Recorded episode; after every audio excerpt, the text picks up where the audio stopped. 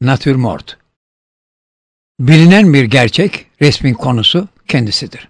Ama gene de ressamın neyi resmettiğinin hiç önemi olmadığını söyleyebilir miyiz? Bir natürmortta yer alan nesneler ressam için hiç mi önem taşımıyordu? Her yeri kısa zamanda atölyeye çeviren Picasso'nun mutfakta da resim yaptığını biliyoruz.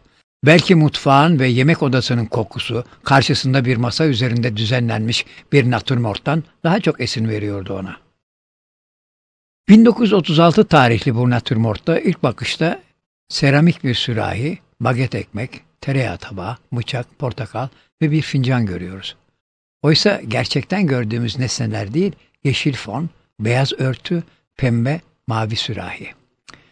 Çünkü resim nesnelerden değil, renklerden, lekelerden ve biçimlerden oluşur. Gözümüz de nesneleri değil, renkleri ve biçimleri görüp algılar. Onların birbirleriyle olan ilişkilerini, uyumlarını, uyumsuzluklarını, karşıtlıklarını. Bu resme baktığınızda gözünüz ekmeği, sürahi, tereyağı tabağını, portakalı görmüyor. Turuncu, mavi, beyaz renkleri ve biçimleri görüyor. Onları nesnelere dönüştüren sizsiniz. Yani beyniniz. Ressamsa gözünüz için resim yapıyor. Bunu hiç unutmayın.